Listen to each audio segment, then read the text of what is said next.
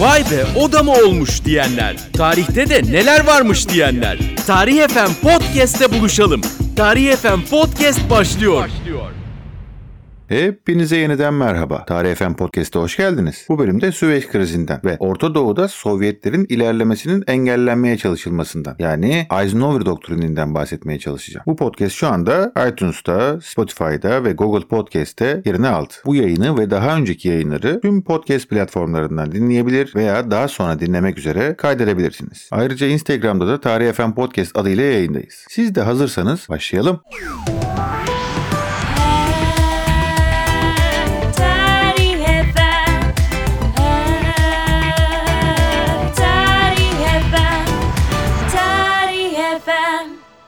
Bu bölümde bol bol bahsedeceğimiz Eisenhower, Amerika'nın 37. başkanı olarak başa geçmiş ve Alman asıllı. 1954 tarihinde başlattığı programın ismi Barış için Atom. Ayrıca Eisenhower, NATO'nun ilk başkomutanı. 1957 tarihinde başkomutan olarak NATO'nun ilk başkanı. İşte bu 5 Ocak 1957 tarihinde Orta Doğu'da komünizm yayılmaya başlayınca onun tarafından bir doktrin ortaya koyuluyor. Barış için Atom sloganıyla bazı kurallar ortaya koyuyor. Ortaya koyduğu bu doktrinlerle Orta Doğu ülkelerine askeri ve ekonomik yardım yapmayı planlıyor. Tabi Amerikan Kongresi'nde yetki istemek için konuşma yapıyor ve diyor ki bağımsızlığını korumak için ekonomik kalkınma çabalarına giren Orta Doğu ülkelerine ekonomik yardım yapılmalıdır. Bu birinci madde. İkinci maddede bu ülkelerden isteyen ülke olursa askeri yardım yapılmalıdır. Sonraki maddede diyor ki açık bir saldırı olursa bu ülkelere Amerika Silahlı Kuvvetleri o ülkelerin istediği şekilde yardım edecektir. Bu isteklerin hayata geçirilmesi için Amerikan Kongresi'nden 3 yıl süreyle her yıl 200 milyon dolar kadar harcama yetkisi istiyor. Amerikan Senatosu bu teklifi değerlendiriyor ve 5 Mart tarihinde onaylıyor. Sonrasında Amerikan Başkan Danışmanı olan James Richards Orta Doğu'yu dolaşmaya başlıyor ve doktrine katılmalarını istiyor Orta Doğu ülkelerinden. Bu duyurudan hemen sonra ortalama 3 hafta kadar sonra Eisenhower doktrini Türkiye tarafından mesela kabul ediliyor. Hemen arkasından Amerika Birleşik Devletleri Bağdat Paktı Askeri Komitesi'ne gireceğini açıklıyor.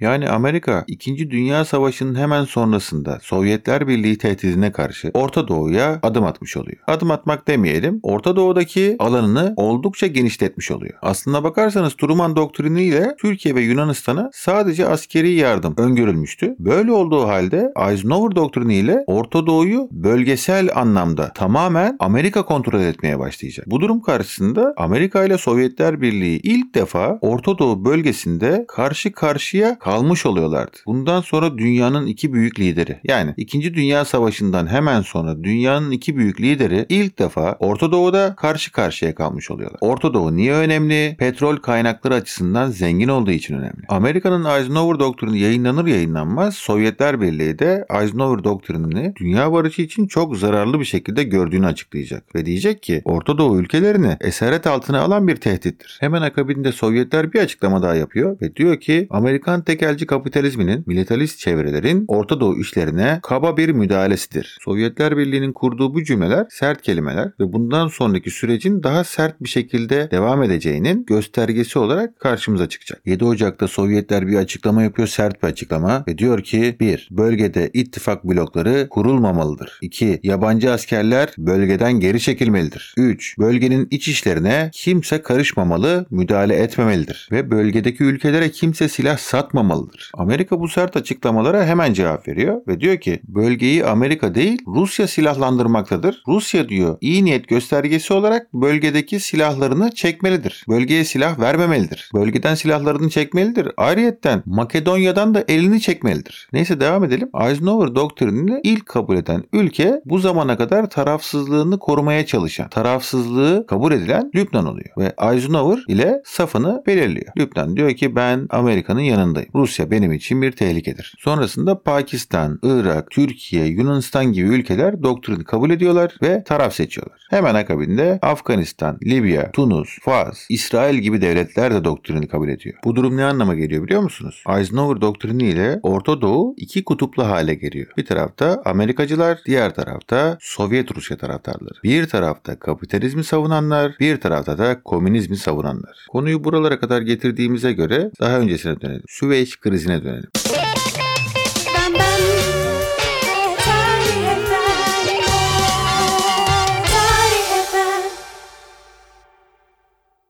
Biliyorsunuz Süveyş kanalı stratejik olarak Orta Doğu'da çok önemli bir yere ve mevkiye sahip. Aslında biliyorsunuz Ümit Burnu'nun bulunmasıyla beraber bu bölge önemini kaybetmiş gibi oldu. Ama Süveyş kanalı açıldıktan sonra bölgenin önemi yeniden artmaya başladı. Bu bölge neredeyse tüm dünyanın göz önünde bulunan bir bölge. Neden? Petrolün geçiş alanı olarak kullanılıyor. Süveyş kanalı o kadar önemli, o kadar önemli ki Batı Avrupa, Süveyş kanalı ve Irak Petrol Şirketi boru hattıyla günlük 3 milyon varil ham petrol ithal ediyor. Bu yol sayesinde Orta Doğu petrolleri Avrupa'ya günlük 2,5 milyon ton petrol geçiriyor. Yani Avrupa toplam petrol ithalatının 4'te 3'ünü Orta Doğu'dan karşılıyor. Neyse 1859 tarihinde Lesseps Süveyş kanalı şirketi adını taşıyan şirketine Mısır'da bir kanal açma izni istiyor. İmtiyaz istiyor ve alıyor. Aslında Mısır Hidivliği yani yönetimi kurulan şirketten 85.500 hisse alıyor. Ama sonrasında bu hisselerini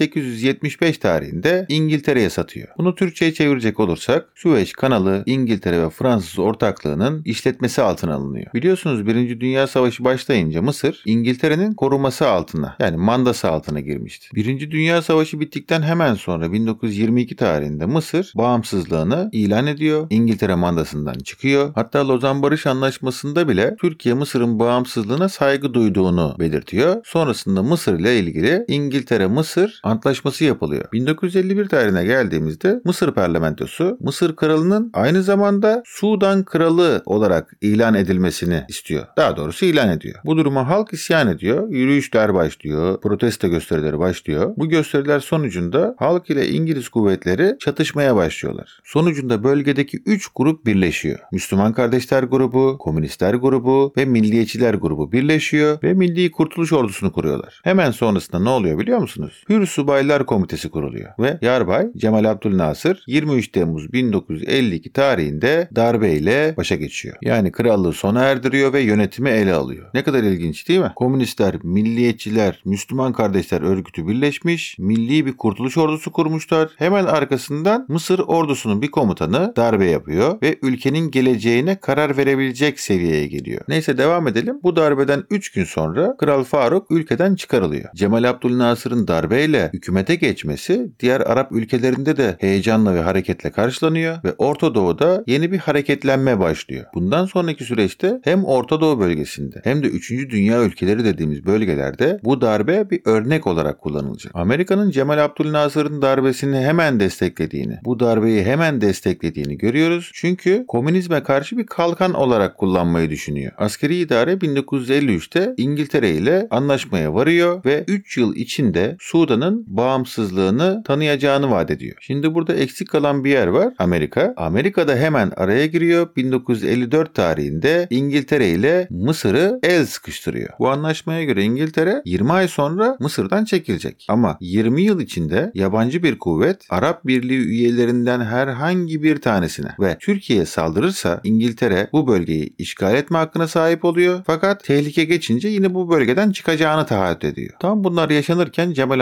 Abdülnasır hazır ortalık durulmuşken Arap ülkeleri arasında da bir birlik yaratayım istiyor ve askeri ittifaklar kurmaya başlıyor. İşte kurmaya çalıştığı bu birliğin adı İslam Konferansı. Tam bu zamanlarda Bağdat Paktı ortaya çıkıyor. Bu pakt Türkiye ile Irak arasında 24 Şubat 1955 tarihli. Bağdat Paktı yani Bağdat Anlaşması. Bu anlaşma Türkiye ile Irak arasında güvenlik ve savunma anlaşması aslında. Anlaşmayı Türkiye tarafında Adnan Menderes ve Fuat Köprülü imzalıyor. Irak tarafında da Nuri Es Said ve Burhanettin Başayan imzalıyor. Aslında kurulan bu Bağdat Paktı ile Sovyetlerin sıcak denizlere inmesine set çekilmiş oluyor. Öyle ki İran, Irak, Pakistan'ın yer aldığı bir pakt. Sovyetlerin güneye inmesini engelleyebilecek bir pakt. Kurulan bu birlikte Türkiye'ye düşen görev Doğu ile Batı arasında köprü görevi görmek. Amaç belli. Sovyetleri kesmek. Yalnız bu tip birlikler, bu tip paktlar kuruluyor kurulmasına ama şimdi bunun iki tarafı var. Böyle birlikler kurarak ya Sovyetler Birliği'ni engellersiniz ya da Sovyetler Birliği bölgeye daha da ilgi duymaya başlar. Neden? Etrafında çerçevelendiğini, etrafta çevrelendiğini, çevresinin tehlikeli hale geldiğini hissedecek ve tepki gösterecek. Bu paktın içerisinde Amerika Birleşik Devletleri yer almıyor. Çünkü Arapların yanında yer alırsa Amerika, İsrail buna nasıl bir tepki verecekti? Ama yine de desteklemeye devam ediyor. Yer almasa da. Neyse bu plan Mısır hariç Türkiye, İran, Irak ve Pakistan tarafından onaylanıyor ve pakt kuruluyor. Neyse Neyse birazcık daha devam edelim. Bu sırada Nil üzerinden yapılması planlanan Asvar Barajı var. Bu baraj için Amerika Mısır'a yardım sözü veriyor. Ama Amerika söz verdiği halde yardım yapmıyor, yapamıyor ve Cemal Abdülnasır Süveyş kanalını millileştirdiğini açıklıyor. Madem Amerika bize krediyi kesti, krediyi vermedi, ben de Süveyş kanalını millileştirdim. Şimdi bu durum büyük bir problem ve Süveyş kanalının Mısır tarafından millileştirilmesi demek, uluslararası bir krizin başlaması demek. Bu problemin çözülmesi için de uluslararası çalışmalar başlıyor. Bakın bölge petrolleri ne kadar önemli, Süveyş kanalı ne kadar önemli. Neyse kanalla ilgili iki tane toplantı yapılıyor. Bu iki toplantı sonucunda bir birlik kuruluyor. Bu birliğin ismi Süveyş kanalını kullananlar birliği. Hemen bunun akabinde Ekim 1956 tarihinde İngiltere ve Fransa'nın desteğiyle İsrail Mısır'a saldırıyor. Hemen arkasından Amerika Birleşik Devletleri Orta Doğu'da önlem almak için Bağdat Paktı üyelerine toprak bütünlüğü için garanti veriyor. Yani diyor ki Bağdat Paktı üyelerine herhangi bir şekilde saldırı olmayacak. Bu üyelerin toprak bütünlüğü korunacak. Bakın ortalık karışınca Amerika Sovyetleri ve Çin'i güneyden ve Avrupa'dan da NATO ve SEATO yoluyla çerçeve içine almış oluyor. Sovyetler Birliği'ni bir şekilde her yönden sıkıştırmış oluyor. Neyse bundan tam 3 ay sonra da Eisenhower doktrini ile Orta Doğu'da komünizmi engellemeye, önlemeye çalışıyor. Eisenhower doktrinine gelen yol da böyleydi. Tekrar Eisenhower doktrinine geri dönelim isterseniz.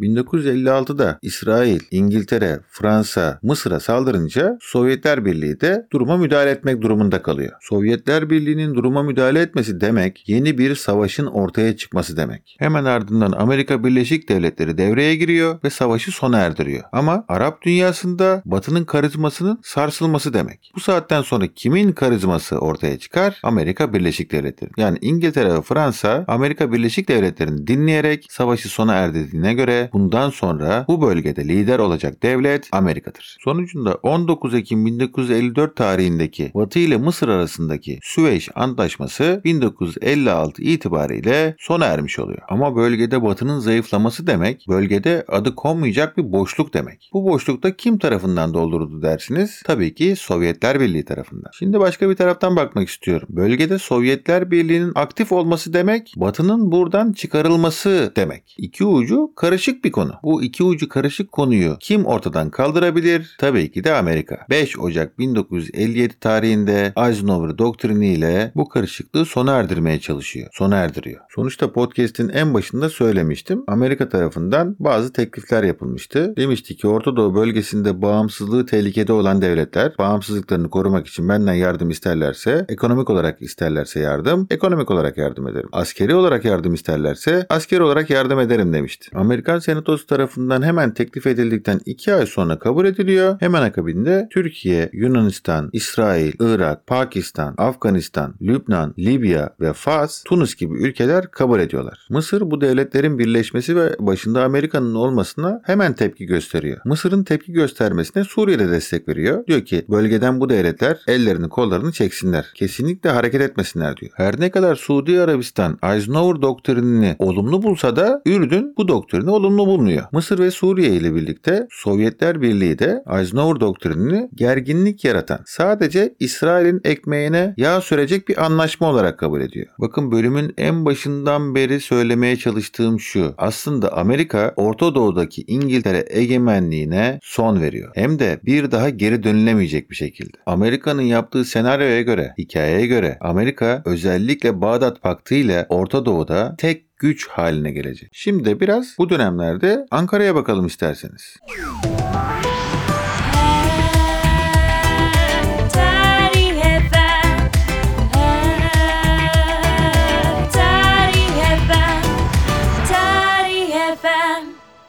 Bağdat Paktı üyeleri 19-20 Ocak tarihlerinde Ankara'da toplanıyorlar. Ve diyorlar ki Orta Doğu ile ilişkili olan Eisenhower doktrininin planının komünist tecavüzün ve yıkıcı faaliyetlerin Orta Doğu memleketleri için arz ettiği tehlikeyi teslim etmekte olmasını memnuniyetle karşılıyoruz. Bu planla hali hazırda göz önüne alınmış olan tehlikeleri bu bölgeden barışı koruma ve halkın ekonomik refahını arttırma yolunda en iyi çözüm olduğunu düşünüyoruz ve destekliyoruz. Neyse Mart 1950 1958'de Amerikan Başkan Danışmanı James Richards bir heyetiyle birlikte Libya'ya oradan da Türkiye'ye geliyor. Amerika'nın Türkiye'ye ziyaretinin ikinci günü Türkiye'de bir açıklamada bulunuyor ve bu açıklamada diyor ki Amerikan doktrininin amacı Orta Doğu'daki devletlerin komünizmin tehlike oluşturmasını engellemektir diyor. Bu açıklama ne demek? Biz Amerika'nın yanındayız. Sovyetler Birliği'ni desteklemiyoruz demek. Türkiye bu saatten sonra Eisenhower doktriniyle ve Bağdat Paktı ile Batı ve Amerikan tarafında yer almayı tercih ediyor. Ve her bakımdan kendini koruma altına aldığını hissediyor, düşünüyor. Bakın açıklamanın yapıldığı tarih 1958. Yani 1960 askeri darbesinden 2 yıl kadar önce. Neyse sona gelmişken ünlü bir Fransız var, fizyokrat, Gorny. Bir mektubunda diyor ki 1750 tarihinde Laissez faire, laissez passer. Bırakınız yapsınlar,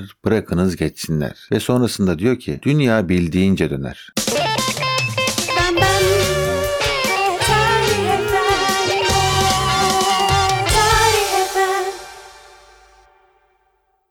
Bu podcast'imizin de sonuna gelmiş bulunduk. Bu bölümde dünyanın iki kutba ayrılmasından, iki kutba ayrılmasının başlangıcından bahsetmeye çalıştık. Görüş, düşünce, eleştiri ve yorumlarınızı tarihfm.gmail.com adresine gönderirseniz çok sevinirim. Görüşmek dileğiyle. Hoşçakalın.